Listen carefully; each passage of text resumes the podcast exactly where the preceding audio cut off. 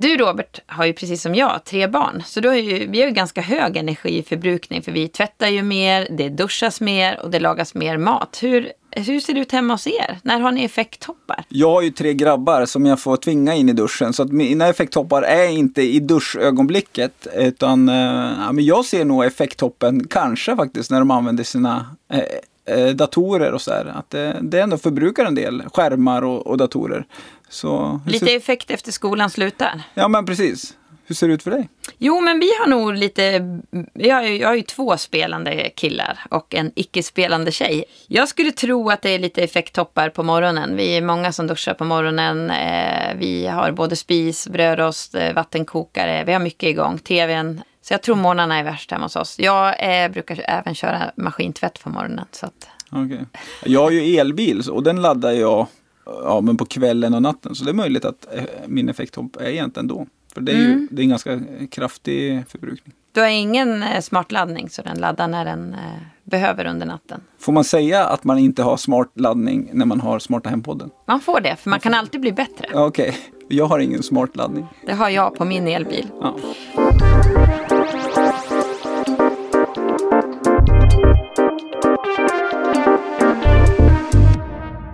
Välkommen till Smarta Hem-podden med mig Robert Bäckström och med Malin Hansdotter. Vi arbetar till vardags på Stångåstaden som är Linköpings största bostadsbolag. I dagens avsnitt ska vi prata om hur vi får mer hållbara fastigheter. Man kan göra det genom att optimera energianvändningen och kapa effekttopparna. Vilka nya möjligheter skapas av digitaliseringen och smart teknik? Vår reporter Rickard Lindahl har tittat närmare på det här. Välkommen Rickard, vad kul att vara här igen. Hur är läget? Tack, det är bra. Väldigt kul att vara tillbaka här i studion. Hur är energin här, nu när vi ska ha ett avsnitt om energi? Ja, men vi, jag känner att vi är på gång på energitoppen. Liksom. Men eh, vi är kanske inte är hela vägen upp än. När vi spelar in det här är ju tidigt på dagen, Ja, så att det kanske är nu man pikar. ja man är ju eh, som mest alert på morgonen. Är det så? Om man är morgon eller kvällsmänniska, ja. Eller om man är morgonmänniska kanske man Ja, är. precis. Men jag menar, kvällsmänniskor är väl inte mest alerta på morgonen? Nej, det är sant. Nej. Men eh, Jag har läst någonstans att det slås flest världsrekord någon gång under dagen. Men nu, men nu kommer jag inte ihåg om det är på morgonen eller vid lunch. okej, så det är inte på eftermiddagen? Ja, jag tror det. Eh, Eller det kanske jag, Som sagt så kommer jag ihåg det här lite dåligt. Men, Lite men vi kan ändå slå fast att det, världsrekord slås oftast någon gång under dagen. Dagen. Ja, Ja. Och på din fråga svarar vi att energin är snart i topp här. ja, för i dagens avsnitt ska vi prata om energianvändning, fast i våra fastigheter då, inte i kroppen. Naturligtvis. Våra fastigheter drar ju en hel del energi. Det märker man kanske inte minst under vintern att det faktiskt går åt en hel del energi dit. Och det blir inte bättre om alla drar igång vattenkokaren och brödrosten samtidigt på morgonen. Men eh, vi ska titta lite på vad det går att göra åt de här utmaningarna och eh, hur vi kan göra mer energieffektiva fastigheter. Och vi börjar i Falun, där man har varit väldigt duktiga på att energieffektivisera och kapa effekttopparna. En av de drivande i det här arbetet är Jag heter Kenneth Ahlström och jag är energi och miljöchef på Kopparstaden i Falun. Kopparstaden, låter bekant. Känns ju som Falun. Kommunala bostadsbolaget i Falun. Exakt! Så det är lite en, vad kallar man? Kollega säger man inte om företag, men det är Jo, men det kan man säga. Ja. En kollega i branschen. Ja, precis. Ja. De var väldigt tidigt ute med att eh, fokusera på det här energin. Redan 1991 anställde de en energicontroller som kontinuerligt håller koll på energianvändningen. Och på 90-talet med fastighetskrisen och många outhyrda lägenheter så var det väldigt mycket fokus på det här på grund av att det var dyrt helt enkelt. Än att man fokuserar på miljön som vi ofta pratar idag när vi pratar om energianvändning. I och för sig, vi, har, vi kommer från en period där det har varit väldigt dyrt med energi. Så nu kanske det igen blir en ekonomisk fråga. Men ur miljöaspekten så har det varit väldigt viktigt att eh, få ner vår energianvändning. Men apropå kostnaden och ekonomin ska vi höra Kenneth här berätta hur det ser ut för dem. Jag har ju en gammal resultaträkning från 1992 som sitter på, på min vägg. Och där hade jag då eh, kostnaden för uppvärmning vid det året var eh, 1992 var eh, 40, 40, nästan 43 miljoner. Eh, och vi hade där ungefär samma bestånd som vi har idag. Vi har sålt en del, vi har, har byggt en del. Så att det är ungefär. Vi hade 43 miljoner då och förra året tror jag vi hade 44 miljoner uppvärmning. 30, 30 eh, år senare. Så där har inte kost- prisökningen eh, eh, funnits i Falun alltså? Eller har prisökningen funnits men de har varit vä- väldigt effektiva med sina fastigheter? Absolut, så är det ju. Exakt, för jag, tror- det är klart att eh, de är inte ett egen, Det är ingen, ingen egen ö. Nej, precis. Ja, men- Nästintill.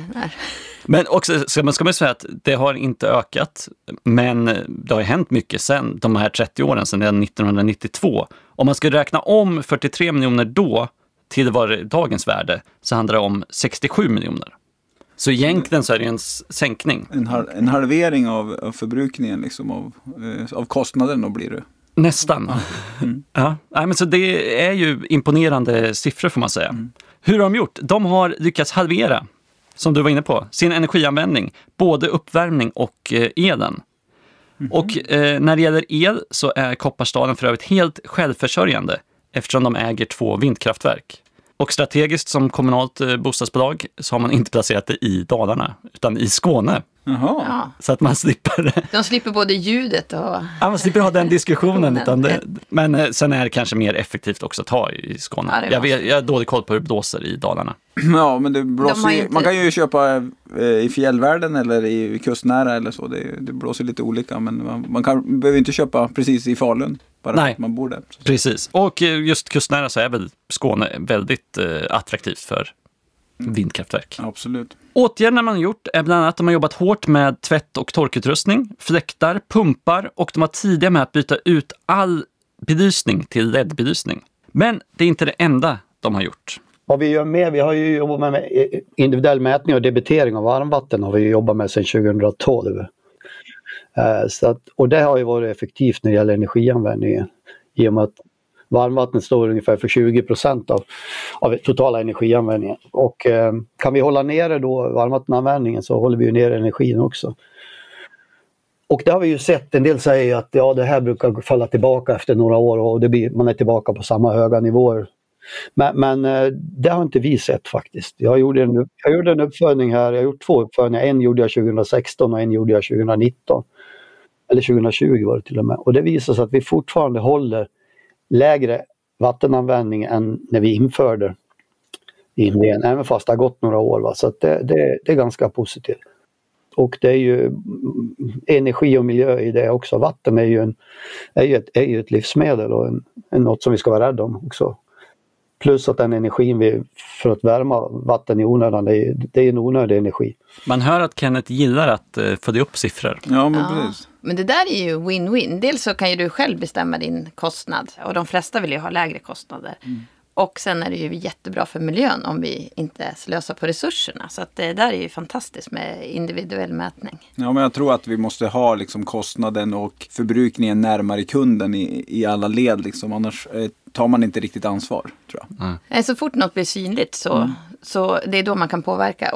Eh, Ja, jag gissar att de ser eh, sin förbrukning på fakturan varje månad. Så man kan styra om man märker att det börjar dra iväg eller eh, så. Ja, dra ner kanske man inget gör någonting åt. Men Ja, på månadsbasis ska man kunna följa upp det här som eh, privatperson, eller som hy- hyresgäst då också. Vi, eh, vi kommer testa i ett projekt nu att man ska se det löpande också. Att man, vi ska visualisera i ett trapphus att hur man förhåller sig i den individuella varmvattenförbrukningen eh, i förhållande till andra i trapphuset. Oj, så det blir lite tävling. Så det blir lite instant uppföljning.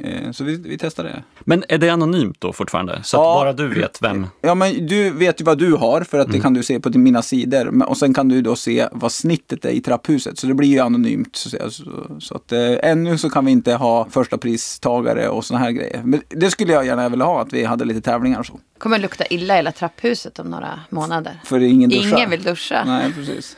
Alla duschar hos, hos grannen. Ja. Ja, just det, går över låna. Ja, Det är precis. jättesmart. Man hör ju väldigt mycket skräckhistorier om just varmvattenanvändningen. Ja. Hört från Linköping om eh, en som... Potatiskokaren. Kan du berätta den? Har du... Ja, det var ju någon som använde varmvatten till att ställa kastrull med potatis i, i diskhon. Satte på varmvattnet och gick till jobbet för då var potatisen perfekt kokt när man kom hem från jobbet. För det första är jag överraskad att det funkar. Ja, jag undrar också det. Det Och kan de vara en på- råttan i pizzan, jag vet inte.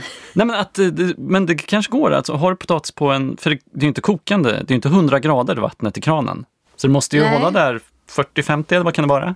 Ja. Men om det är så pass länge, åtta timmar, då kanske det blir Ja, men det måste ju på något sätt... Eh, ja, mjukna till. Man Ja. kanske inte vill ha...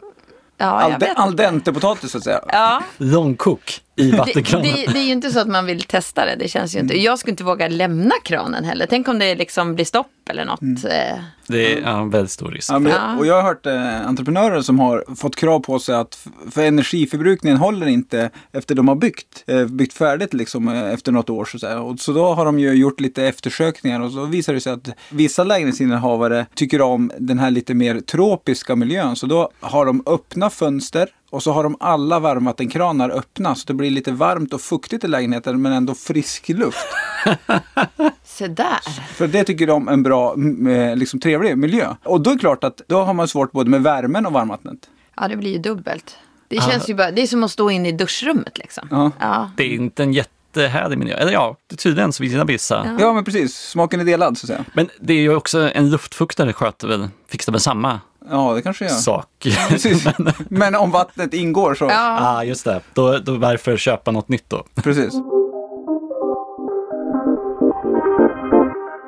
En annan utmaning i många fastigheter är ju att hålla en jämn inomhustemperatur. Nu går vi bort dit från varmvattnet. Och det ska ju helst också vara en temperatur då som hyresgästerna är nöjda med. Kopparstadens löfte till hyresgästerna är att de ska hålla 21 grader inomhus. Har ni något liknande? Ja, vi har likadant. 21 grader. Mm. Och de var tidigt ute med uppkopplade undercentraler. Till och med så tidigt att nu börjar deras eh, undercentraler vara över 20 år gamla och ska bytas ut. Så att eh, nu får vi se vad, vad som händer när man får ännu mer modern teknik. där. Nästan lika länge har de styrt inomhustemperaturen med hjälp av givare. Eh, skillnaden idag är att vi har bättre koll på inomhustemperaturen för nu, nu har vi nästan temperaturgivare i alla lägenheter så att vi använder den samlade medeltemperaturen och styr värmen i husen. På. Eh, så det har gjort stor nytta. Så att, eh, Eh, sen har vi liksom, vi, vi är gnetar i det, i det lilla, i- brukar jag säga, i, i vardagen för att eh, försöker jaga de här, när vi ser då på, på temperaturer att vi har ojämnheter och annat, försöker hitta eh, de sämsta lägenheterna för att åtgärda dem för att slippa höja värmen till exempel i hela området. Och, eh, det har varit, det har varit en eh, som fokus. Och nu, och nu i de, med de nya givarna vi har, då kopplar vi upp husen i, i 3D-modeller. Så vi ser ju dem i realtid i en 3D-modell, hela huset, alla lägenheter och kan vrida och vända och, och följa upp och se vad som händer när vi gör åtgärder och så över tid. Och, För den som har lyssnat på podden hör man att det är en dröm. De gör ju mycket, det är sensorer, det är 3D-modeller, det är mycket sånt vi brukar prata om. ja, digitala tvillingar. Och det, det här med att st- styra ja, men utifrån tempgivare i lägenheterna, det, det jobbar vi också med på Stångstaden. Och har snart också hela vårt bestånd liksom med sådana tempgivare också, så där vi styr på medeltemperaturen. Men, eh, och det tror jag, tror jag verkligen på. Liksom att, att, eh, och det här gör ju också att vi loggar ju temperaturen var femte minut. Och när vi får då kunder som klagar på att det är kallt, eh, jag har haft kallt sista två veckorna. Då kan vi ju säga... Ja, Upp, vi, upp, det vi, har ni inte vi, alls. vi kan se att du har haft eh, mellan 20 och 21 grader de sista två veckorna. Vilket är okej liksom. Men det är ju svårt med temperatur för det är ju ganska personligt. Alltså, något som känns varmt för mig behöver ju, kan ju vara kallt för en annan. Är, och då är det väldigt skönt med de här oberoende uppgifterna egentligen. Absolut. Vi var på studiebesök på Öbo faktiskt i Örebro. Ah, min de- hemstad. Ja, de, de eh, har, har ju testat ett golv och takvärmesystem då. Där man inte har radiatorer eh, då. Utan man kan både ja, men, värma upp stommen och svala ner stommen på, på, på sommaren så att säga. Men det här, det de har sett är ju att, att den här psykologiska effekten att du kan inte lägga handen på radiatorn och känna att den är kall. Du tycker att det är kallt i rummet och så sen lägger du handen på radiatorn och den tycker att den är kall. Då ringer du och klagar för då borde den vara varm. Även fast det strömmar in, det är tillräckligt varmt i rummet. Men just den här eh, effekten att du inte kan lägga en hand på en radiator eh, har de sett en väldigt positiv effekt på. Och det tycker jag är intressant. Det är så psykologiskt det här med värme och kyla. Ja, kan jag tänka mig. Det är ju, eh, men hur funkar det där med vattenburet tak och sätta upp lampor? Och har det funkat? Det är det första jag tänker, att det börjar Jaha, det regna från taket när man ska sätta upp lampan. Nej, men de, de har skrivit in i avtalet att man får inte göra hål i taket så att säga. Och det, de, eh, vi var i ett hus som eh, har funnits i fem år och de har inte haft problem med det så att säga. Det var ändå fem år gammalt alltså? Ja. Okej. Väldigt intressant system och vi testar ett liknande system nu eh, i, i nyproduktion. Och eh, vi tror ju att vi kommer få en lägre energiförbrukning också för det är ett lågtempererat system, mycket mer lågtempererat än vad det har ett radiatorsystem och det blir mer energieffektivt också. Då, så, att säga. så vi hoppas få bättre kundnöjdhet och eh, bättre klimat både på sommaren och vintern. Mm. För tänk när man ser så här element och sånt, det är ju ganska liten yta man jobbar med egentligen för att värma upp ett helt rum. Det är klart att ett, hela golvet, hela taket, att det skulle bli mer effektivt. Jag gillar de här 3D-modellerna och sånt, så jag tänkte bara vi kan lyssna på Kenneth ge ett exempel på hur de använder sin för att genomföra åtgärder. Jag, jag har ett bra exempel. Imorgon ska vi in i, mina killar in i en lägenhet och byta radiatorer i ett rum. För det är ett, ett kallt rum då som, som vi inte får lösa på annat sätt än att vi sätter in större radiatorer med bättre effekt. Och då, då får vi den temperatur vi ska ha där utan att behöva höja styrkurvan i hela huset. Då. Det är en typisk sån åtgärd vi gör. Och, och sen kan vi följa den åtgärden sen på, i, i den här 3D-modellen och, och på givarna. Att se vad, vad som händer. Sånt där måste ju vara superkul att jobba med och liksom att verkligen göra praktiska, eh, ja, men ganska enkla eh, ingrepp, byta en radiator och så ser man ett resultat som är positivt för energin och positivt för kunden. Ja, det måste vara satisfying alltså. Ja. Han verkar så härligt nördig på mätning. Jag gillar sådana personer. Ja, Jag tycker att det är väldigt spännande att höra hur mycket han följer upp. För det ska jag säga nästan är det jag reagerar på när man hör honom. Det är inte så mycket vad man sätter in, men det är väldigt mycket att så här, han har koll på för 30 år sedan. Och, ja, det är väldigt eh, så. Sen ska det sägas att det går ju inte att en person sitter och håller koll- koll på all data. Utan det de har gjort är att sätta olika gränsvärden och få, där de får larm vid större avvikelser. För annars blir det ju för mycket helt enkelt att jobba med. Så att det går ju inte att sitta och titta på, ja, idag har vi 4000 lägenheter uppkopplade, och sitta och titta på dem. Utan man får ju, man får ju ha larmgränser som, som hanterar det här. Det gör ju att man får koll men, men samtidigt får man inte vara så att man får, får så mycket uppgifter, liksom data som man inte ser problemet för man drunknar i data. Så det är väl den stora risken men vi har, snart har vi 10 000 eh, givare och mätare ute i fastigheterna runt om i, i Falun och ha 10 000 mätare och sitta ha koll. Det gäller liksom att ha rätt sortering på det här så att man eh, ser det som är viktigt. Där, det verkar som att han eller hans kollegor har kompetens i det där. Liksom att man tittar som en energikontroller, tittar man på en, på en bestånd eller på en fastighet och så sen, ja, det är någonting som avviker och så går man ner så, här, liksom. sen, så att man har koll på var, vart man ska dyka ner, liksom, vart det kan bli problem.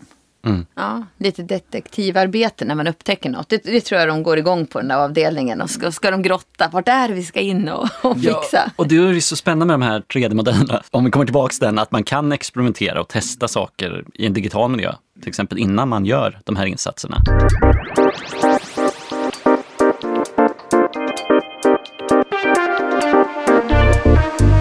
Men det han är inne på är det där att eh, en människa är ju ganska dålig på att eh, kolla, se över stora mängder data. Men det finns ju saker där ute som är väldigt duktiga på det och som älskar det. Och då tänker jag på en AI, en artificiell intelligens. Och nu har det börjat komma sådana lösningar på marknaden när det handlar om energianvändning i fastigheter. En av de aktörerna som ligger långt framme här är Riksbyggen. Och vi besökte deras huvudkontor för att träffa de här två personerna. Jag heter Jonas Holmberg, jobbar som energiingenjör centralt på Riksbyggen och är med och utvecklar våra energi, eh, energitjänster. Eh, och där då bland annat energi, eh, värmeoptimering 24-7 är inräknat som är då vår AI-styrning utav värmesystem. Och jag heter Göran Danling och är affärsutvecklare. Eh, Jobbar centralt på vårt huvudkontor eh, och hjälper våra kunder och våra medarbetare med att eh, förstå och kommunicera budskapen med våra energitjänster generellt.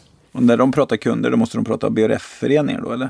Bostadsrättsföreningar. Deras kunder är fastighetsägare, kommersiella aktörer och bostadsrättsföreningar egentligen. Så att det är de man vänder sig till med den här lösningen. Och eh, Värmeoptimering 24-7 är alltså en ny tjänst där man med hjälp av AI kan minska värmeförbrukningen med upp till 20 procent och samtidigt få ett jämnare inomhusklimat.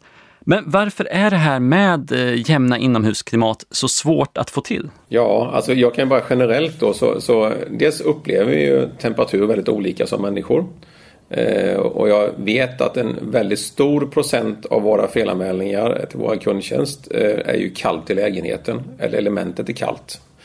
Och då får man åka ut och, ut och, och kolla eh, rent manuellt i lägenheten gjorde man ju förr. Och det är väldigt svårt att få fakta som underlag i en sån dialog tänker jag. Och sen har man ju då när någon fryser så höjer man den så kallade kurvan. Och det gör man att man, man höjer och höjer värmen. Till slut så har man då eh, i den kallaste lägenheten tillräckligt varmt. Vilket gör att man har jättemycket onödig energi som snurrar runt i fastigheten helt i onödan. Någonting som låter bekant? Ja, och det är det. Och det jag tänker på Öbo som jobbade, eh, det här huset som har ändå varit i drift i fem år. De har haft nu kommer jag inte riktigt ihåg hur många lägenheter det var, men det var ju ett antal hus liksom eh, med trappuppgångar. Och de har haft tre felanmälningar på värmen på fem år uppfattar jag. Oj. Eh, vilket är extremt lågt. Och, och där tror de att det var psykologiska effekter också då? Ja, men både att, att, att man har hållit en jämn temperatur, Mm. men också att man, ja, och så man, har, man har ändå varit nöjd så att säga. Och, men ändå psykologiska effekten att man inte har kunnat känt om det, att är det varmt eller kallt. Utan det är en jämn temperatur. Hur brukar det se ut vid nyproduktion? Är det ganska mycket eh, klagomål eller felanmälningar ändå på värmen? Ja, men så är det ju. Det är, det är en hel del. Och på nyproduktion så är det ju inte heller så konstigt för att det oftast är en intrimningsperiod i ett värmesystem. Så man, man trimmar in och det är kanske lite luft i systemet i början. Eller det, är någon, det, det händer saker och ting när man börjar använda saker. Så att de första månaderna så är det en intrimningsperiod. Så att säga. Men eh, sen är det ju oftast värmen på nyproduktion brukar inte vara ett stort problem. Där har vi ju då värmen på sommaren är ett större problem i nyproduktion. För att det är så bra fönster, är det? Ja, bra byggt generellt och vi, ventilationen är ju inte dim- dimensionerad för, att, eh, för AC-verksamhet så att säga. Vi låter Jonas utveckla lite mer om de här utmaningarna med att hålla just en jämn temperatur. Ett av de problem som vi då jobbar mycket med att lösa via AI är ju att till exempel på hösten så eh, är det ganska varmt, det blir snabbt ganska kallt. Eh, värmesystemet bygger ju i stort, eller de, de hedliga värmesystemen bygger ju på att man mäter utomhustemperaturen och sen tillför energi till byggnaden. Med AI så har vi möjlighet att eh, ta in väderleksprognoser både ett fåtal timmar framåt men även lite längre och se att ja, men det kommer snart bli kallt. Ja, men då, höjer man temper- då höjer man kurvan i förväg så att när det väl blir kallt så har man börjat putta in den energi som sen blir värme till luften. För det systemet tar ett, det är ett trögt system. Men, eh, och det gör ju för att man får en bättre komfort på hösten när det snabbt blir liksom kalla dippar. Men det man framförallt ser på våren är ju att det blir det kallt men sen så blir det varmt väldigt snabbt. Eh, det är mycket solinstrålning och liknande. Och framförallt solinstrålning gör ju att temperaturen utomhus är kall men det har mycket tillförsel av energi. Vilket betyder att byggnaden blir varma innan uteluften blir varm. Och då fortsätter värmesystemet pumpa in mer energi i byggnaden. Och det resulterar ofta i övertemperaturer, öppna balkongdörrar, fönster och sånt. Det här är så härligt med två olika dataflöden kan fungera tillsammans. Att dels har du väderprognoserna och sen har du då värme, äh, uppvärmningen. Att de sköter sig, eller reagerar på varandra. Eller ja, prognoserna reagerar ju inte på värme. Det hade varit det bästa kanske. Nej, men man borde ju vara bättre i det där bara i sitt eget hem. Alltså, det är inte så svårt att kolla väderprognosen. Men man, eh, man har ju exakt samma effekter hemma också när det gäller husen. Och jag kan tänka mig det är ännu större effekter på en stor fastighet. Ja, och en, en till eh, aspekt som han inte tar upp här, det är ju att eh, på de flesta av husen så finns det en norr och en södersida eller en öster-västersida. Så att, och oftast så är ju systemen uppbyggda att, att de inte är separerade. Vilket vi har, i, vi har testat också i vissa byggnader på Stångåstaden. Men, men eh, liksom där egentligen så borde syd och väst styr, ha en slinga och öst och norr har en annan. För att det är ju jättestor skillnad på värmeinstrålningen på syd och väst än på öst och nor- norrsidan. Eh, och, eh, så, så de borde ju ha införsel av olika temperaturer. Så det är ytterligare en aspekt så, som ja, men man kan jobba mot varandra lite grann. Där. Och där är det också mycket beroende på vilken typ av fönster man har va? Ja. i fastigheterna. För att det, Ja, men alltså, det finns ju olika typer av fönster och så sen finns det ju, vissa behöver kanske ha persienn och vissa måste ha vertikalmarkiser för att klara solvärmelaster och så vidare. Så det, eh, men, eh, och så, nu för tiden så kanske man måste ha jättestora fönster för att klara dagsljuskrav och så här. Och då, de tar ju in enormt mycket värme. Ja, det är mycket utmaningar med väder och vind Ja. och värme. Ja.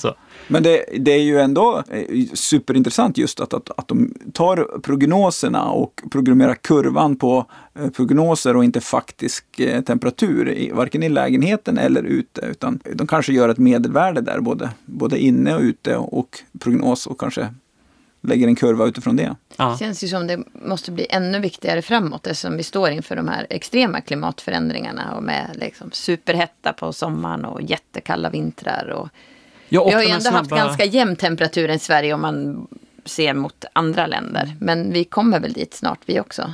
Ja, och när man pratar extremväder så är det ofta de här snabba förändringarna. Att det kan gå att bli stekhett till att bli regn och väldigt kallt. Men jag kan tänka mig att de har ganska bra kundnöjdhet på den här metoden. För att det, det märker ju vi och säkert fler fastighetsägare med oss. Liksom att, att det är just kanske på hösten. Att när, det slår om och innan systemet har riktigt fattat att nu har det blivit kallare och det, blir för, det hinner bli lite för kallt i lägenheten. Så vi har ju fler felanmälningar på kyla på hösten givetvis. Så att, säga, att det är för kallt i lägenheten. Och för många på våren att det är för varmt. Ja. Så att det, Det är de oberäkneliga. Där, vad är det, april brukar man säga kanske den svåraste vädermånaden. När det Ja. snöar ena dagen och sen 30 grader nästa. Ja, men precis. Det är inte lätt att vara driftspersonal då. Riksbyggens första testversion av värmeoptimering 24.7 lanserades i mars förra året och då hade den bara av och på-funktion. Och bara det sparade 18 procent på var- värmedelen. Sedan dess har de byggt på med fler funktioner och senaste funktionen som lanserades är justering av hur varm inblåsningstemperaturen ska vara från ventilationen. Så att temperaturen på eh, tilluften och men framförallt så att värmeåtervinningen på ventilationssystemet jobbar tillsammans med fjärrvärmecentralens styrventiler. För ofta brukar det vara så att man har en inblåsningstemperatur på 20 grader och eh, då återvinner du Eh, du kanske har så pass varmt i frånluften att du inte återvinner 100% utav energin. Men fjärrvärmesystemet tycker att det är så pass kallt ute att eh, du behöver värma. Så du säger nej till gratisvärme men du trycker in betalvärme. Och det är, förlåt mig, men lite hål i huvudet. Ja, verkligen. Det- är väl ingen som vill eh, göra så. Så det var ju hål i huvudet som man säger. Så man pumpar ut värmen man har i fastigheten samtidigt som man då Betalar. beställer mer av från annat. Ja, precis. Men det känns som att dagens styrsystem, det är nog ganska vanligt att hantera den där, den där problematiken. Alltså så långt även det hunnit komma. Men det finns ju väldigt många äldre fastigheter som kanske inte har de här funktionerna heller. Liksom, och eh, möjligheten. Ja, sen är det ju, det tacksamma med de här prognoserna är att du inte behöver reagera på hur det faktiskt är just då, utan att du lite har den här spåkulan och ser in i framtiden hur, vad du kommer ha för behov om en, om en liten stund bara. Lita på Ja, väderleksrapporten. det är ju en annan fråga. Det- Det, är lite så här, ja, skulle det inte regna idag? Nej, Nej. det blev 20 grader varmt. det, det är för nästa poddavsnitt.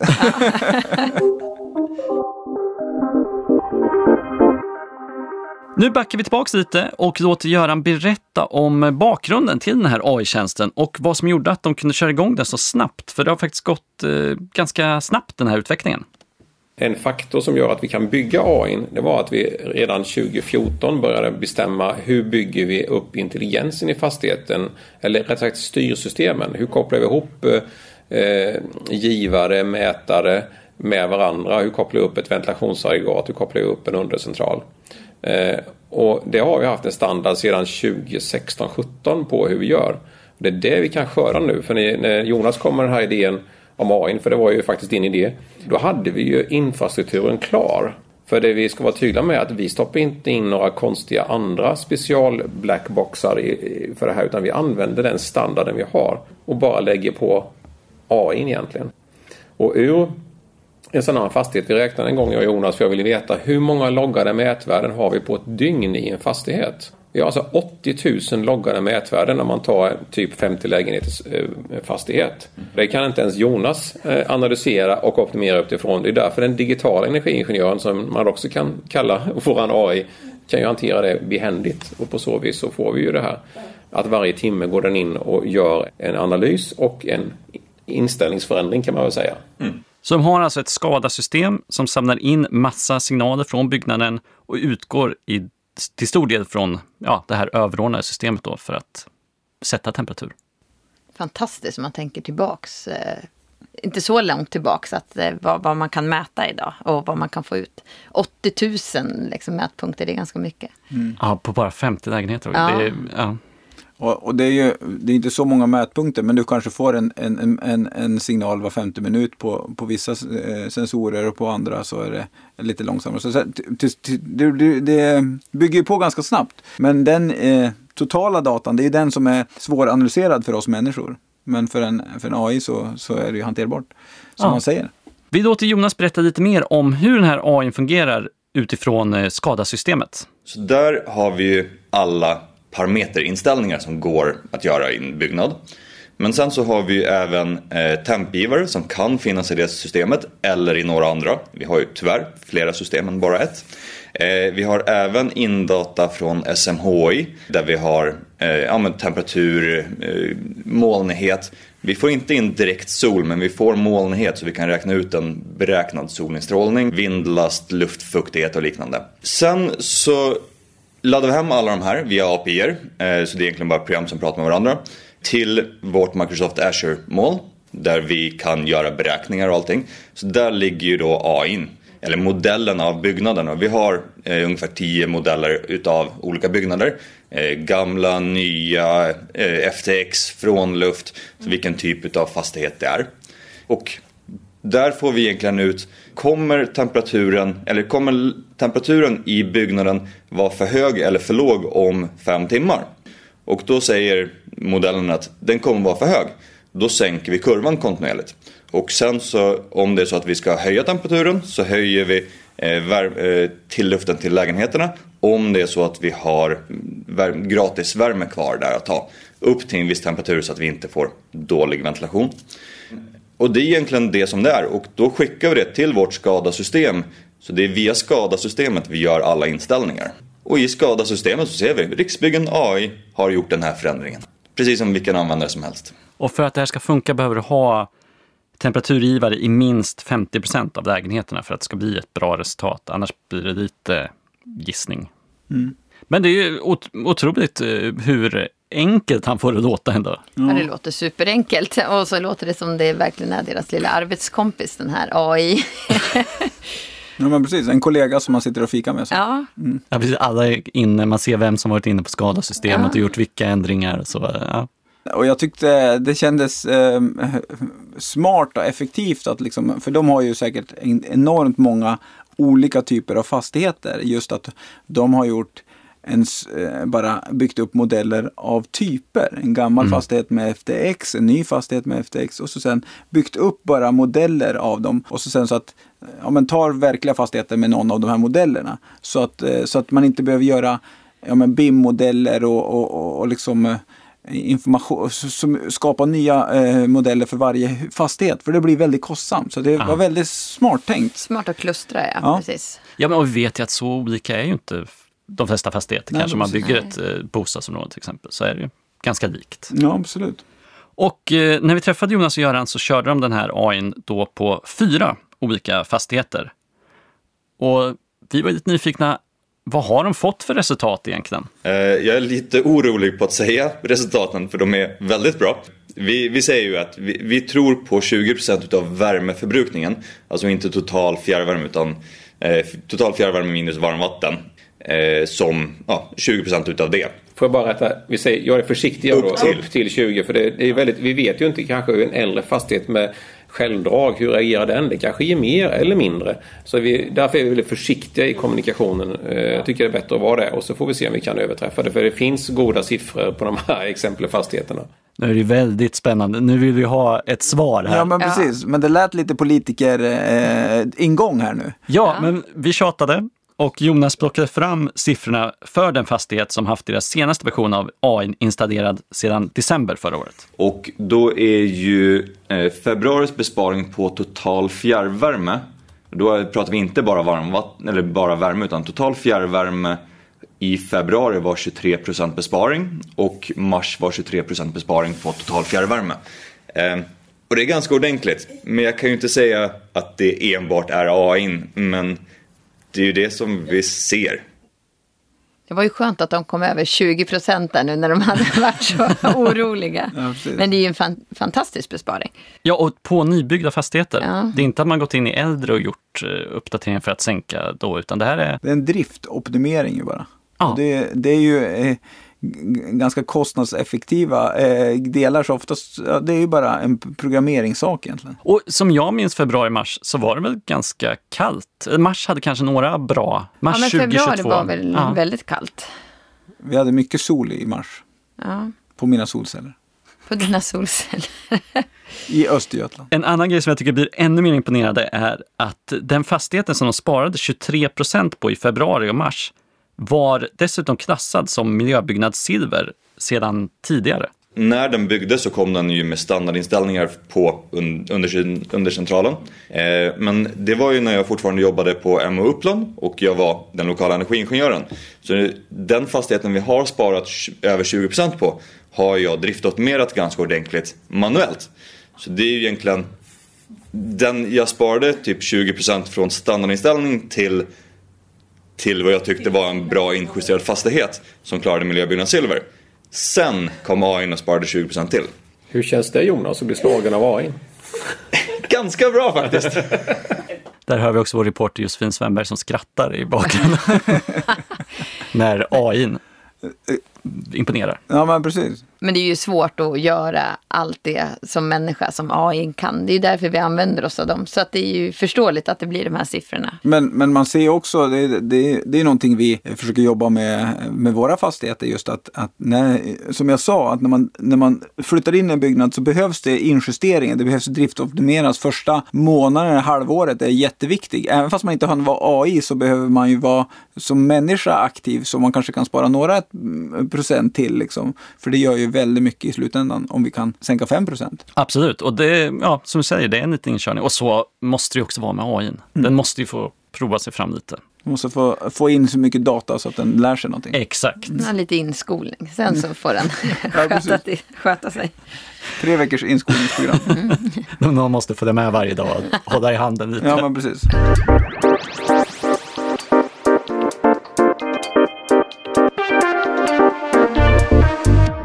Nu har vi pratat mycket AI, men det finns också fler saker man kan göra för att energioptimera med helt andra typer av smart teknik.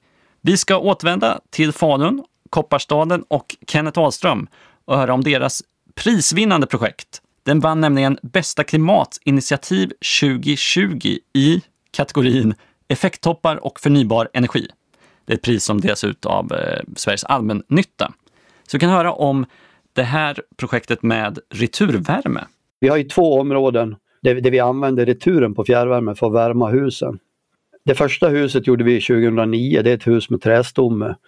Eh, där använder vi det till alltså returvärmen. Det, det, den, den kalla delen av, av fjärrvärmen, den som är på väg tillbaka till fjärrvärmeverket som är 40-45 grader, den använder vi för att värma det huset med. Och, och det första huset använder ungefär 40% av energin går på retur.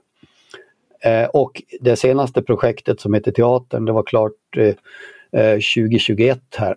Där använder vi returvärme både för värme och för eftervärmning av ventilationsluften. Så där använder vi för 60 av, av energianvändningen i huset går på returvärme. Vi kan bara snabbt höra lite om vad är fördelarna egentligen med att använda returvärmen? Fördelen med det här är att vi sänker returtemperaturen då för fjärrvärmeverket när det kommer tillbaka. Och när de, de har en lägre returtemperatur får de en bättre rökgaskondensering. Då får de ut mer energi ur, får de ut energi ur rökgaserna som är på väg ut ur skorstenen. Eh, som man då, eh, man får ungefär, ja det är lite olika, men det är 10-20 procents bättre effektivitet av det bränsle man stoppar in. Så det är en effekt, effektivitetsökning av, av, av använt bränsle om man säger så. Och fördelen för oss är att vi får eh, vi får en lägre taxa och vi, vi har ingen effektavgift på, på det vi kör på returen. Efter, eftersom vi påverkar inte effekten på värmeverket utan det, det är ju värme som redan är använd med sig. I Linköping använder vi oss också av returvärme för att värma upp pooler. Så det är ju väldigt billigt att ha poolavtal i, i Linköping. Då, då tar man returen av eh, fjärrvärmen och så värmer man upp poolerna. Och vi värmer väl även nu upp eh, utomhusbadet nere vid, i stan. Ja, på, eh, så att man kan bada varmt utomhus med returvärme. Det är ju härligt för det är värme i rören som ingen vill ha. Nej. Eller ja, tills ja, baden då i Linköping. Som, och, som vi har använt klart kan man Ja. säga. Ja. och som de inte ens vill ha tillbaks tydligen. Nej. För jag tänkte att det skulle ändå ha- vara någon fördel att komma in lite ljummet. Ja, så de inte behöver värma upp det så mycket igen. Men det är tydligen dåligt det också då. Så ingen vill ha den här värmen. Men så hittar man användningsområden. Ja, det här tänker jag är win-win. Folk vill ju värma upp sin pool billigt och de blir glada och slippa få tillbaka det. Liksom. Så att, eh, Ja, och just det här samarbetet med energibolaget, eh, det är, det, är, det är dit vi måste komma. Att vi måste samarbeta mellan, över gränser, över bolag, över eh, köpare, säljare och sådana grejer för att, för att bli ännu bättre. Ja. Och nu håller faktiskt Kopparstaden på med ett nytt område som heter Furiren. Och där ska ett av husen, det är ett experimenthus, ha 100% returvärme. De har inte börjat bygga det än, men det kommer alltså bara värmas upp med den här värmen som ingen vill ha. Så eh, som jag förstår det är det alltså helt gratis för Kopparstaden, den värmen då. Mm. och det tar de från andra fastigheter i sitt bestånd? Eller? Ja, det är ju den som är på väg tillbaks, fjärrvärmen egentligen. Mm. Men det blir ju en, en, en vanlig anslutning men du använder ju bara returen. Och, så sen, Returen. Mm. eh, så säga, och sen ska du tillbaks på returen. Ja, det, Ja, det, det den går inte- bara in ja, och ut igen. Ja. Och, och det Ta en där avstickare. Ja. Jag skulle kunna tänka mig att har man ett, ett golvtakvärmesystem som man har på Öbo till exempel. Det är ju ett väldigt lågtempererat system. Där passar ju den här att vi har en låg, låg temperatur i, i returen. Det skulle kunna passa med ett, ett, ett sådant system. Det skulle vara intressant att höra mer. Eh, kanske ska kontakta dem och höra hur de bygger det där. Ja, det får du göra och så får du komma tillbaks till podden och berätta vad, vad ni sa. Om jag är välkommen tillbaka. Jag tycker det låter så härligt där också, att slippa radiatorer och sånt. Det blir lättare att inreda om värmen bara sitter i golv och tak. Fruktansvärt ful inredningsdetalj. Om vi nu ens ska kalla det för inredningsdetalj. Men det förstör ju så mycket i rummet. Och så kan man inte sätta något för. För då kommer inte värmen ut. Och, nej, Man, hör, man hör att du inte är rörmokare. Det är det snyggaste som finns. Säger de det? Kromade rör och, Jo men och då en, är vit- det ju... en vit mer- radiator. Nej, radiatorn. Men rör kan vara snyggt. Det kan jag hålla med om. Nu pratar vi om ett projekt det här som vann eh, priset för effekttoppar och förnybar energi 2020. Men kan ni gissa vilka som vann 2021? De kanske vann igen. Ja. Mycket bra. Jag, vi, jag, jag visste inte ens att det här priset fanns. Alltså. Ja, Det är inte, det är inte lika stort som Oscarsgalan. Men, Men nästintill. eh, då vann de priset för att de tillsammans med det lokala energiföretaget skapat ekonomiska och miljömässiga förutsättningar för att anlägga en fastbränslepanna som eldas med biobränsle och ett närvärmenät i Sundborn. Känt från Carl Larsson kanske framförallt. Men det är också ett samhälle med färre än tusen invånare. Eh, Vi låter Kenneth berätta lite om det här projektet. Så vi, vi tillför 24 nä- eh, nya lägenheter och nu ska man bygga en ny skola också så det kommer också vara med.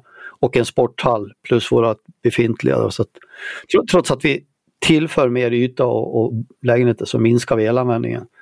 Eh, vilket, vilket är ganska häftigt.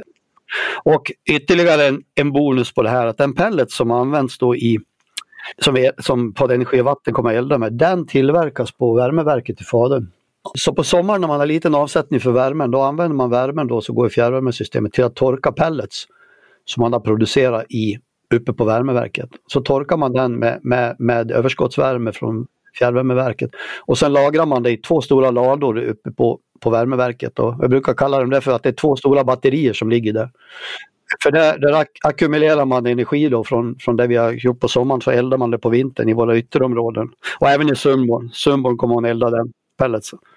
Så det är ett, ett häftigt energisystem. Mesta råvaran kommer ifrån från sågverk som ligger runt omkring här.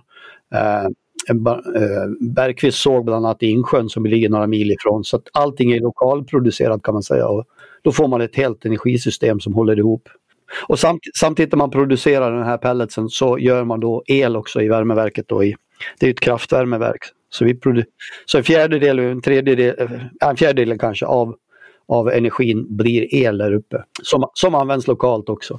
Man förstår ju att de vann priset. Alltså s- snacka om cirkulärt och hållbart och, och samtänk. Och, ja, men, superkul att höra. Ja, man måste ju bara älska sådana här projekt. Men man får lite som att vi har ju arbetat med, eller arbetat, vi har ju levt lite med, med mat på så sätt har vi försökt Mm. plocka tillbaka. Det låter ju lite som så här närproducerad mat fast i energiförbrukning. Ja, jag tycker det finns ganska mycket Ja, likheter det, där. ja. och vi plockade den där och då fick den hjälpa till och sen så fick vi den här goda middagen. Fast nu fick vi ett bra hus. Ja, men precis. Tänk vad mycket man har fått ut av sina träd i Sundborn ändå. Ja. Först har Carl Larsson målat dem, sen kommer Kopparstaden. Cirkeln sluts. Och det var allt jag hade med mig hit idag.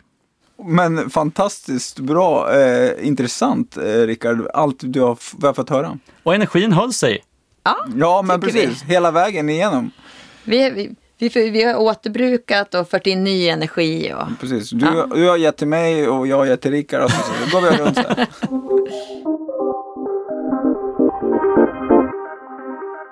ja, vad tar du med dig Robert från avsnittet? Nej men att det finns massor som man kan göra eh, och att det finns så många goda exempel att, att lära av. Och jag blir väldigt inspirerad det här med både AI och de olika eh, lösningarna som, som de har gjort i Kopparstaden och Riksbyggen. Och, ja, men, eh, superinspirerad och komma tillbaka till arbetet måste jag säga. Ja, det känns som man kan ta med sig mycket och stoppa in i Stångåstaden i vårt fastighetsbestånd. Men också lite, man kan ju plocka lite små saker till sitt eget hem. Och vara sin egen lilla AI eh, och checka lite väder och lite, tänka lite längre fram. Ja, men, och det här är liksom, jag kan tänka mig för, för de som lyssnar att, att här, här kan man ta till sig väldigt mycket praktiska grejer faktiskt. Ja, så att det är superintressant att, att vara med här. Ja, om du har förslag på vad vi skulle kunna prata i podden eller kanske någon intressant gäst som vi borde prata med, då får du gärna mejla till oss på podcast stangåstaden.se. Du har lyssnat på Smarta Hem-podden med mig Robert Bäckström och med Malin Hansdotter. Våra reportrar är Rickard Lindholm och Josefin Svenberg. Podden ges ut av Stångåstaden och produceras av Edison.